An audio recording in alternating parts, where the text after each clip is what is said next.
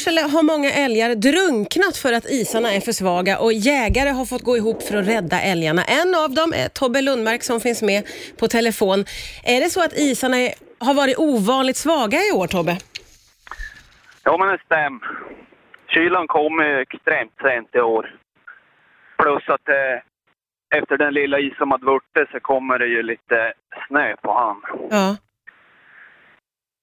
Det såklart. Hur, hur många älgar är det som har drunknat på ett ungefär?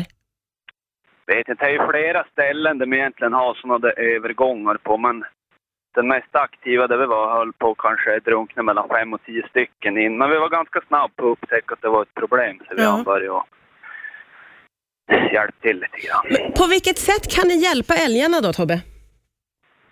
Ja, men första tanken var ju att vi skulle fixa dit lite mer mat åt dem så den ville stanna och äta. Ja. Så gjorde vi på en gång. Körde ut höbalar lite Okej. här och där på, på det där stället då. Mm.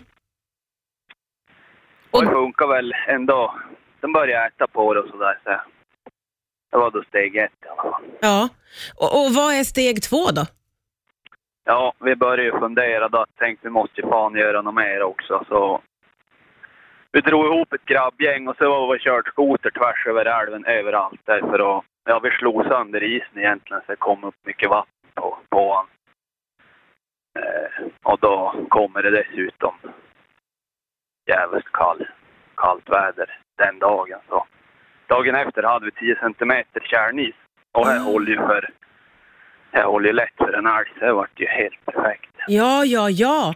Så, eh, hur har det varit att få folk att ställa upp då? Har det varit svårt?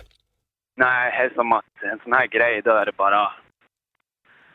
Det kom folk vilken tid på dygnet som helst nästan känns det som. Mm. Och hur ser det ut framåt nu då? Kommer, för nu har kylan kommit tillbaka lite, eller? Jo tack, det är kallt. Det är kallt. Hur många grader har du då? Ja, tre- 30 nu. Ja, det är kallt. Det är kallt. Ja, Kommer det hålla i sig, vet du det? Jag tror jag. Ja, ja men vad skönt. Men ni är beredda att rycka ut igen om det skulle behövas då?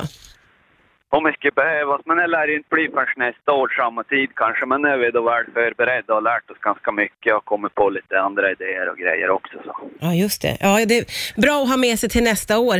Tusen, tusen tack för att jag fick prata med dig, Tobbe Lundmark. Ja, men det var bara kul. Tack snälla.